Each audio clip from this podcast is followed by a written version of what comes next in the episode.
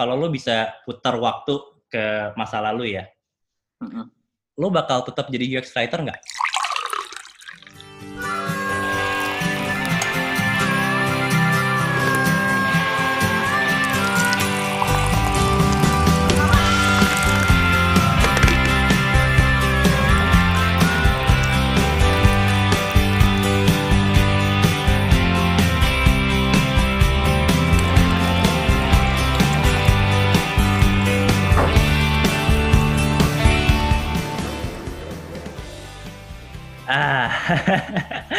Akhirnya bisa ketemu lagi sama Gali Pambudi.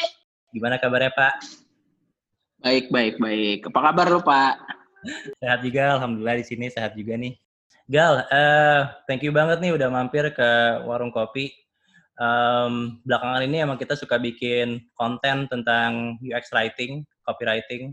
Hmm. Eh, beberapa waktu yang lalu tuh kita sempat ngelempar story gitu kan eh, ke Mm-mm. followersnya warung kopi dan pertanyaannya simple, eh, siapa sih yang yang kalian pengen untuk ngisi eh, episode selanjutnya di warung kopi gitu? Dan ya obviously nama lo yang paling banyak muncul di stories Wah, alhamdulillah, alhamdulillah.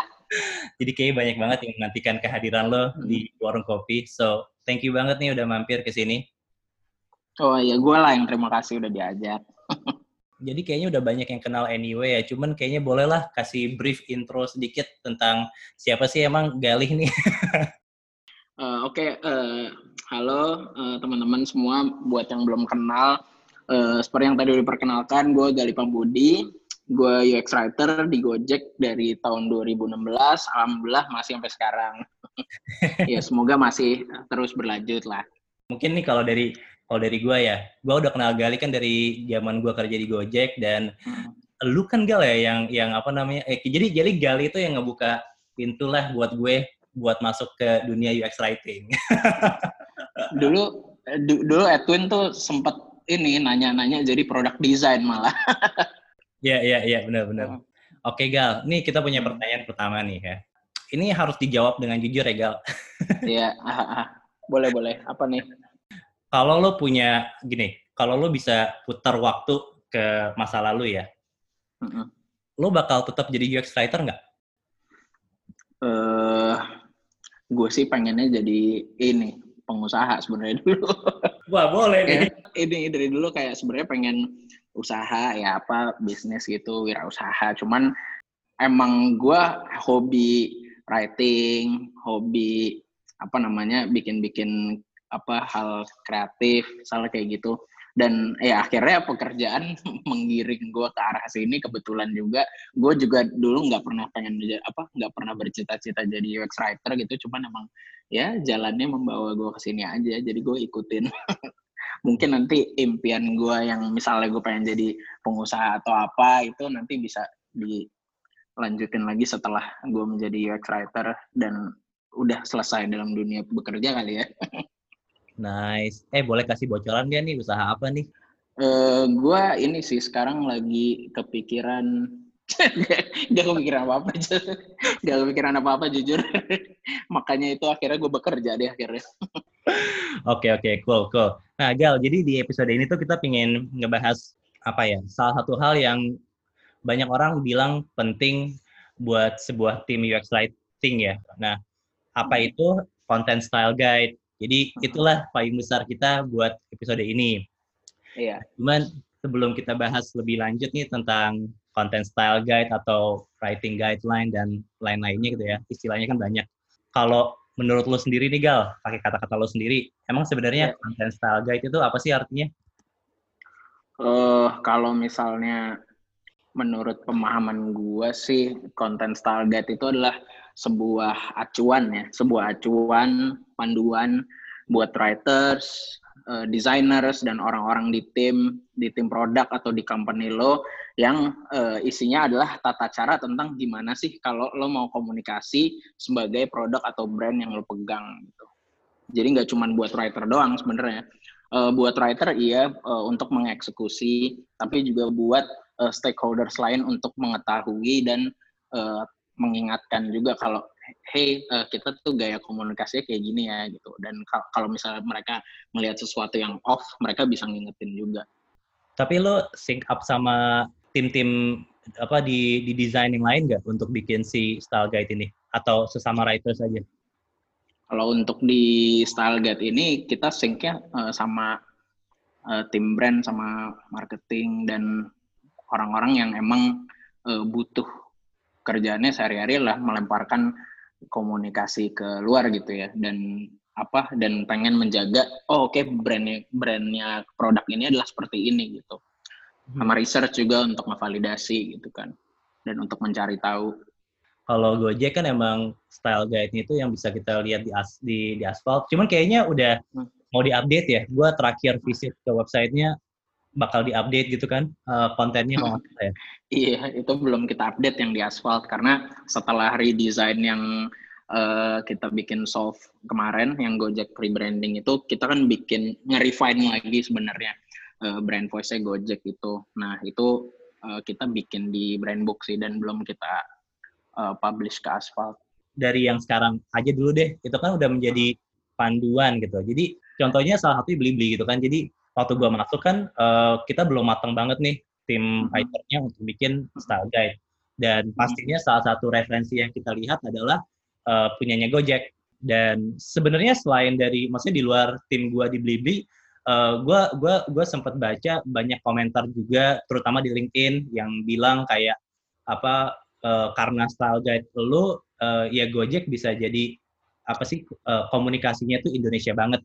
Dan hmm. itu kan lo cerminkan nggak cuma di aplikasi tapi sampai tempat-tempat lainnya iklan, hmm. uh, apa what's new-nya juga dan iklan itu di luar scope gue ya. Berarti kalau misalnya scope gue lebih ke aplikasi dan apa namanya uh, ya kayak tadi release notes gitu-gitu itu masih scope uh, eh, UX writer cuman kalau iklan itu uh, scope Creative Labs dan kebetulan ya kita sync juga sih soal uh, Gojek tuh komunikasinya kayak apa karena kita punya uh, yang emang panduan yang satu satu company lah pas rebranding itu. Kita jadi pengen tahu nih uh, jadi jauh sebelum lo mulai ngedokumentasiin si style hmm. guide ini ya, entah itu dalam bentuk docs atau PPT atau lain-lainnya, persiapan apa aja sih yang mesti lo kayak contohnya kalau sync up, lo mesti sync up sama tim mana aja biar bisa konsisten lah the whole company. At least kita tuh bisa sync sama semua orang yang sama semua stakeholders yang emang uh, punya kepentingan terhadap si style get atau terhadap cara komunikasi company kita keluar itu seperti apa. Uh, soal uh, ini sih soal oke okay, kita tuh positioningnya uh, terhadap users tuh seperti apa dan users kita tuh seperti apa sih uh, dan value company kita tuh seperti apa. Hal-hal seperti itu sih yang uh, mesti dicocokin dan mesti di align dengan tim lain karena dengan memahami beberapa aspek tersebut dan pastinya masih banyak lagi sih aspeknya. Uh, itu sih bakal bikin uh, core-nya ngesing gitu ya. Jadi kayak, oh tinggal diturunin aja nih apa-apanya gitu kan. Kalau misalnya tahapannya gitu ya, kita pasti kan mencari tahu dulu, oke okay, users kita nih siapa nih misalnya. Kayak, oh kita mengenalin nih mereka tipe-tipe usersnya itu seperti apa, yang paling gede apa users kita tuh dari tipe yang mana misalnya. Dan kita juga ngecocokin itu dengan uh, value yang dibawa sama company kita dengan personality yang pengen uh, produk kita tampilkan disesuaikan dengan usersnya juga. Dan akhirnya oke okay, ya udah uh, kita bikinlah keywordsnya gitu. Kayak keywordsnya yang clear uh, oke okay, company kita bakal komunikasi kayak apa ya? Kayak gitu sih. Kalau kalau misalnya kayak stepnya itu pasti uh, berarakan ya karena nggak kebayangkan maksudnya kayak di lo ada banyak banget divisi dan lo harus sing sana sing sini dan ya stepnya pasti apa namanya nggak nggak nggak yang berurutan kalau misalnya ngomongin company wide gitu. Cuman kalau misalnya let's say kita uh, bikin di di dalam scope tim yang kecil lah gitu. Step-stepnya ya itu sih paling. Kita mengenali dulu kayak uh, apa namanya usersnya kita, kita siapa terus value company kita apa personality-nya yang pengen ditampilkan uniqueness dari produk kita apa apa apa apa karakteristik yang beda sama uh, brand lain gitu. Apa yang kita bikin kita unik gitu kan. Hal-hal kayak gitu yang bisa akhirnya menentukan dan menajamkan uh, positioning kita tuh kayak apa sih dan akhirnya bisa turun ke komunikasi gitu. I see. Oke. Okay. Iya, gue penasaran juga nih kira-kira sebetulnya berapa lama sih berdasarkan pengalaman sama Gojek kemarin untuk mulai dari awal sampai akhirnya jadi content style guide itu prosesnya berapa lama? Itu lama banget sih sebenarnya kayak uh, mungkin ya hmm. enam hmm. bulanan lebih gitu sih. sih. Gitu. Kalau dari waktu ya dari timeline tuh panjang banget sih, panjang banget. Proses yang kelihatannya paling makan waktu tuh di bagian mananya kalau boleh sharing? Ini gue uh, gue bahas mungkin hmm. ini ya lebih lebih dalam skop yang lebih kecil ya misalnya kayak di driver app deh gitu oke okay. misalnya misalnya kayak di driver app itu uh, kita bikin content style guide sama uh, yang ngelit kemarin writer tim gua Kemala namanya uh, sama artisa juga ilustrator uh, kita bikin lama sih. Jadi tahapnya itu ya emang kita mesti nge-research dulu. Kayak oke okay, usersnya nih siapa sih? Gitu kan. Tipe-tipenya kayak apa sih? Mereka tuh senangnya di di, di komunik apa style komunikasi yang seperti apa gitu. Terusnya kita juga selain apa mencari tahu soal users kita mencari tahu juga soal uh, company ini mau di perceive seperti apa value yang dibawa company itu apa gitu kan. Kita pengen di perceive apa sama driver misalnya kayak gitu.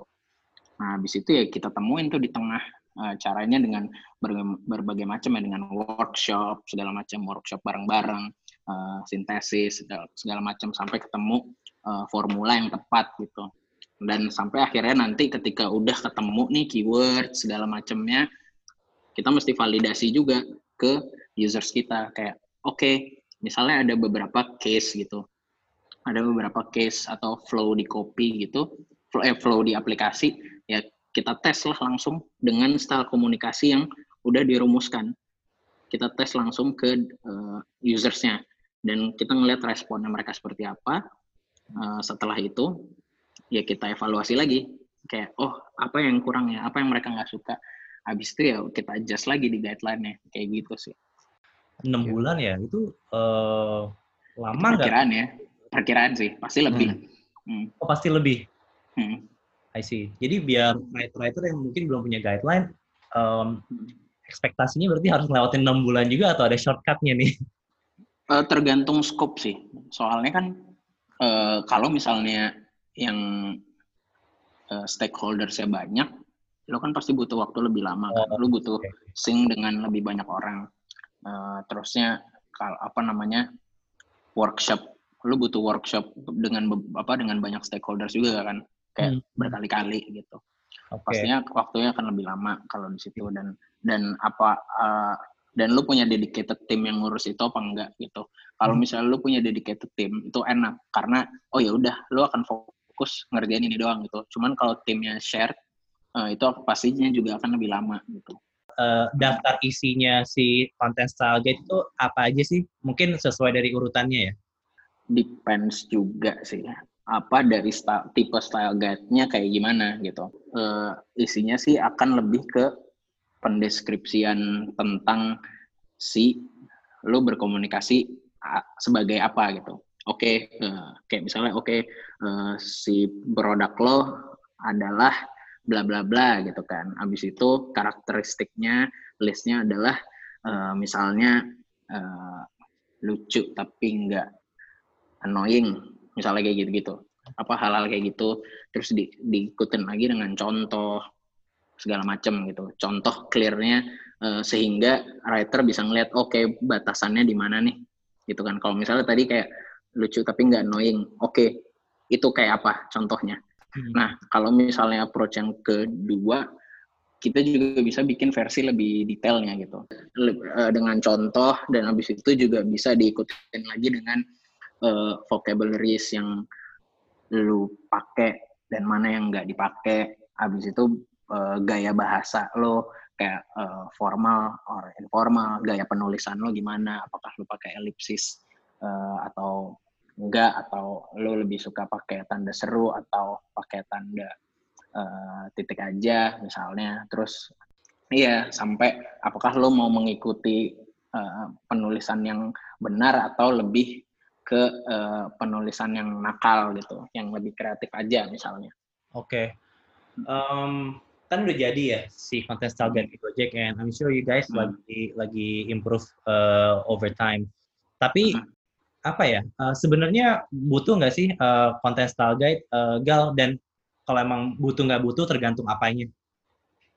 Uh, tahu dari mana kita butuh konten style guide itu sebenarnya ya kita bisa ngerasain sih ketika lo bingung lo harus nulis dengan gaya yang kayak gimana buat app lo misalnya bayangin lo writer terus lo dapet task uh, oke okay, bikin copy untuk bla bla bla gitu nah lo bingung ah gue harus nulis dengan gaya yang kayak gimana ya buat app gue gitu okay. gue pakai pilihan kata yang mana ya terus ketika lo bingung apa namanya uh, lo mesti pakai pilihan kata yang apa terus ya ketika lu udah nggak mulai nggak konsisten penulisannya terus ketika writer A nulis ini writer B nulisnya apa terus yeah. ya yang jadi pembeda lu apa namanya punya guideline dan enggak itu kan sebenarnya uh, akan lebih mudah buat lu dalam decision making dan uh, konsistensi dalam penulisan kan akan jadi lebih gampang gitu kan uh, tahu dari mana kalau konten style guide kita tuh udah jadi I mean karena language kan berkembang, desain juga hmm. berkembang gitu kan.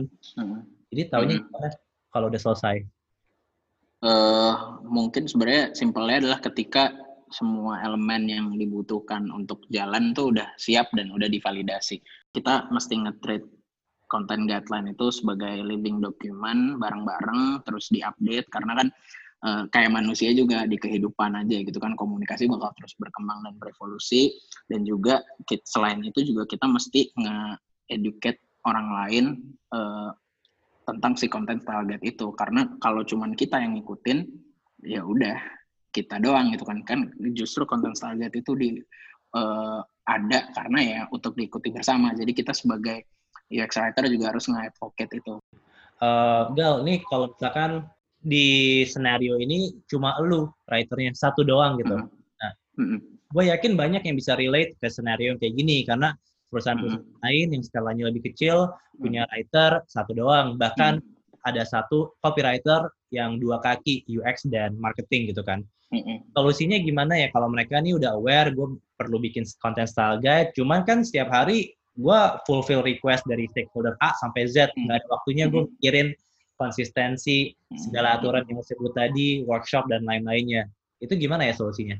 Hmm, kita mesti lihat juga kayak oke okay, uh, eh, company kita nih sekarang uh, kayak gimana sih di stage apa gitu. Apakah uh, udah punya brand voice apa belum itu misalnya. Kalau misalnya belum, kira-kira ada chance gak? Uh, wah kira-kira peluangnya bagus gak untuk nembak ke uh, oke okay, gue pengen ngomong dengan cara ini enggak apa dengan cara dengan cara ini deh nembak ke specific voice gitu terus uh, mesti dilihat juga ke uh, atas-atasnya nih ke tim lain juga kayak kita ada rencana untuk nge-shape uh, brand voice apa enggak uh, ke depannya nge-shape brandnya gitu kan. Kalau misalnya emang uh, belum punya dan belum ada rencana ya kita bisa inisiatifin dan bantu untuk uh, push supaya yuk company kita bikin cara komunikasi yuk gitu. Misalnya kayak gitu. Uh, tapi tentunya nggak bisa uh, eh, UX writer sendiri karena uh, untuk ini kan kita ngomongin brand ya ngomongin hal yang nggak uh, cuman kita doang gitu. Tapi tim lain juga bakal pakai kayak branding marketing segala macam uh, kita harus ajak mereka juga apa namanya uh, supaya bisa diaplikasikan bersama. Dan tentunya harus dengan bantuan mereka karena kan mereka yang ahlinya untuk menggarap persoalan branding segala macam gitu kan. Terus kalau misalnya emang apa emang itu juga belum bisa dilakuin, ya kita bisa play safe dulu sih dengan uh, ngelakuin apa yang sebisa mungkin kita bisa lakuin untuk tetap on brand dan konsisten dengan message yang uh, udah dikeluarin sama marketing segala macam. Jadi konsisten aja dulu gitu. Oke okay, oke. Okay. Gal, ini ada satu uh, salah satu follower kita nih um, yang apa yang bakal yang bakal kita ajakin ke ke episode ini. Jadi uh, short introduction kayaknya dia ini desainer gitu. Tapi nanti okay. jadi yang bakal nanya ya pertanyaannya apa. Oke. Okay. Halo halo, hey uh, salam kenal. Panggilannya Santi ya? Cecil Oke, sebenarnya. Oh, Cecil. Damn, gue salah panggil di DM. Ya. Ah, Santi dari mana? Oke, oke. Cecil, eh, sebelumnya thank you nih udah udah share, eh, udah submit pertanyaan ya. Langsung aja em, tanya ke ke Gali, ke narsum kita. Sebelumnya kenalin nama aku Cecilia Santi Suksesi. Sekarang Halo. jadi PM di eh, sebuah media dan ya memang day to day aktivitasku tuh eh, ngedesain kayak gitu. Cuman ada beberapa karena kan masih kecil eh, startupnya, jadi hmm, timnya masih kecil. Jadi kadang suka harus bikin copywriting yang bagus untuk eh, desain, untuk web, untuk kayak gitu dan kalau dari Kak Gali nih apa gimana sih dari kita kan basicnya desain kan Mhm. nggak nggak ngerti sama sekali apa buat ngarang kayak gitu kadang susah ngarang nulis kayak gitu tuh susah deh Mhm. itu cara melatihnya? Kalau untuk eh, awal-awal mungkin bisa eh, banyak baca baca medium pertama terus Hmm. ikut dengerin mungkin dengerin podcast juga Eh, tapi kayaknya kalau misalnya emang posisinya kayak lo ini kan penting berarti kan buat lo. Mungkin lo bisa juga ikut workshop segala macem yang emang nanti ada kontak sama mentornya dan eh, lo bisa dikasih feedback gitu. Cuman eh, kalau misalnya simpelnya sih sekarang eh, lo coba latihan untuk me- apa untuk mempelajari UX writing principles dulu eh, basicnya. Habis itu de- dilatih juga belajar menerapkan itu. Ada eh, yang kita pakai kalau di Gojek itu ada clear concise dan helpful. Nah coba aja pelajaran itu dulu sehingga lu bisa eh, mempraktekkan UX writing yang safe gitu kan. Nah habis itu eh, baru deh apa namanya eh, ikut workshop lagi untuk mengembangkan itu sih. Karena eh, kenapa gua propose buat eh, workshop atau lo ngobrol langsung sama emang praktisi gitu adalah supaya eh, terekspos dengan ini sih dengan feedback. Jadi lo nggak cuman baca teori doang tapi lo juga oke eh, lat- latihan atau atau mungkin eh, pek- dari pekerjaan lo sehari-hari gitu ya lo bisa minta feedback aja gitu. Lo kenalan dengan eh, orang atau dengan praktisi lo bisa minta waktunya eh, untuk konsultasi dan ngasih lihat aja kerjaan lu sehari-hari gitu. Kayak oke eh, minta feedback dong untuk ini. Nah nanti at least ketika eh, udah oke lu udah bisa nih dengan save at least save dulu gitu kan nah itu apa namanya harusnya sih udah bisa ya harusnya harusnya bisa kayak gitu ya apa untuk step awal ini Ya, ya. Cecil, thank you banget. Tadi, sorry, kayaknya kepotong dikit dari mana eh, tempat kerjanya? teknologi ID Teknologi ID, alright. Hmm. Oke, cool. Siap-siap, thank you ya, Cecil. Thank you. Hmm. Follower berikutnya siapa? Eh, eh, namanya Talita Jasinda. Cool. Oke, hai Talita. Bener kan ya panggilannya Talita? Iya, iya. Halo. Oke, oke. Eh, sebelumnya thank you juga ya buat eh, warung kopi yang udah kasih kesempatan buat nanya-nanya langsung. Eh, oke, perkenalkan nama saya Talita Jasinda. Saya eh, sekarang kerja sebagai UX writer di salah satu creative engineering company di Indonesia. Seiring perkembangan desain proses itu kan eh, nggak tahu sih ya pengalaman aku tuh eh, writing style guide-nya tuh bisa ke-update gitu loh, diperbarui. Nah, itu ide- kalau menurut Mas Gali sendiri gimana sih bisa di-update juga nggak gitu? Terus kalau misalnya bisa, idealnya seperti apa?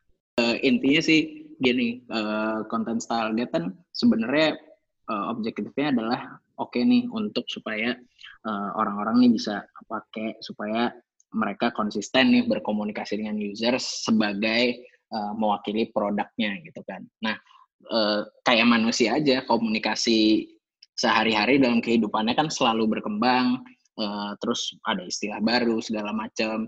Nah, kita mesti nge-treat content style guide kita tuh sebagai living document yang memang akan selalu diupdate seperti komunikasi kita sehari-hari gitu. Akan ada selalu istilah baru, akan ada aturan baru, norma-norma eh, sosial kan juga ah, berubah kan.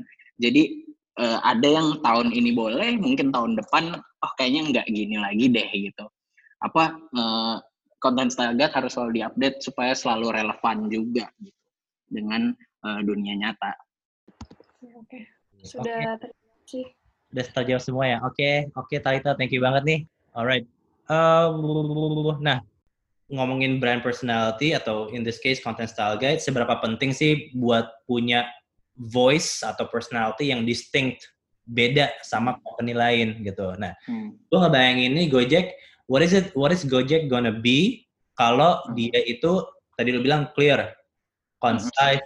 Helpful. Eh, itu yang principles. Lebih uh, kalau Gojek itu uh, clear, casual, witty, and empathetic. Tanpa adanya ini signature yang gue dapet ya, tanpa adanya hmm. Indonesianness-nya lah dari Gojek. Hmm. Nah, what is it gonna hmm. be? Maksud pertanyaan lo adalah gini bener gak? Kayak apakah ada uh, apa ya brand voice lain misalnya let's say selain yang tadi, selain yang mencoba selengean atau mencoba lucu atau kayak yang formal gitu ya? Bener gak? Pertanyaan lu gitu gak? Ya bener. Butuh gak sih dibikin hmm. sedistinct itu? Kita mesti balik lagi terus ke uh, company kita sebenarnya kayak gimana gitu kan. Tapi ya apa namanya kalau dibilang penting apa enggak untuk punya um, kayak brand voice atau personality gitu, itu menurut gue uh, penting banget pasti bisa dibedain ya. Harus dibedain nggak tapi? Menurut gue uh, ini sih, menurut gue kalau misalnya pengen memorable, pengen berkesan di hati orang ya mesti beda gitu. Dan mesti konsisten juga. Kayak gue pernah baca research dari Profesor Clifford Nash gitu. Uh, semakin orang kenal dengan, semakin lo konsisten dan lo punya personality gitu, brand lo akan dilihat uh, lebih apa trustworthy dan lebih reliable dan kelihatan lebih intelijen gitu dibandingkan uh, ketika lu nggak konsisten dan uh, dibandingkan ketika ketika berkomunikasi ya orang nggak mengenal lu gitu. Kayak ini siapa sih? gitu. Cuman ketika lu uh, unik ketika orang bisa oh ketika ngobrol sama nih orang ini gue kebayang nih orangnya kayak apa gitu. Misalnya baca uh, iklan atau aplikasinya gitu ya orang akan lebih ah ini gue uh, brand apa orang ini memorable nih dan gue jadi bisa nge-build relationship sama dia dan gue akan lebih percaya sama dia dengan message yang dibawa kayak gitu sih. Sama apa uh, ketika ditanya bisa apa enggak apakah cuma ada dua spektrum itu uh, lucu dan formal atau yang berusaha selengan atau yang formal itu sebenarnya enggak juga karena uh, spektrumnya masih banyak kok gitu. Kayak kalau lu lihat headspace kan dia nggak juga mencoba lucu dia juga nggak uh, formal tapi dia calming gitu kan. Apa ya nggak sih? Ya. uh, dan juga Google atau misalnya Dropbox deh Dropbox juga nggak yang mencoba lucu gitu. Biasa aja dia cuman oh ya clever gitu kan. Kayak oh message-nya kocak juga ya. Maksudnya bukan kocak yang ah gitu tapi yang kayak ih lucu deh gitu aja gitu. Nggak nggak yang ngakak gitu. Ya udah gal. Jadi kita udah hmm. lama juga ngobrolnya. Um, to our last question nih kalau udah punya content style guide ini, hmm. di mana emang content style guide ini buat konsistenin tulisannya, hmm. buat bikin ngehidupin karakternya uh, lewat hmm. tulisan dan lain-lainnya. Hmm. Nah, kan udah ada aturan-aturannya ya, gitu kan? Hmm. Butuh nggak sih editor? Uh, butuh sih. Kalau menurut gue sebenarnya itu semua kembali lagi ke gimana lo ngeran tim lo gitu kan apa namanya sistem apa sih yang lo pakai di tim lo dan kebutuhan tim lo tuh kayak apa sih? Misalnya kayak gitu.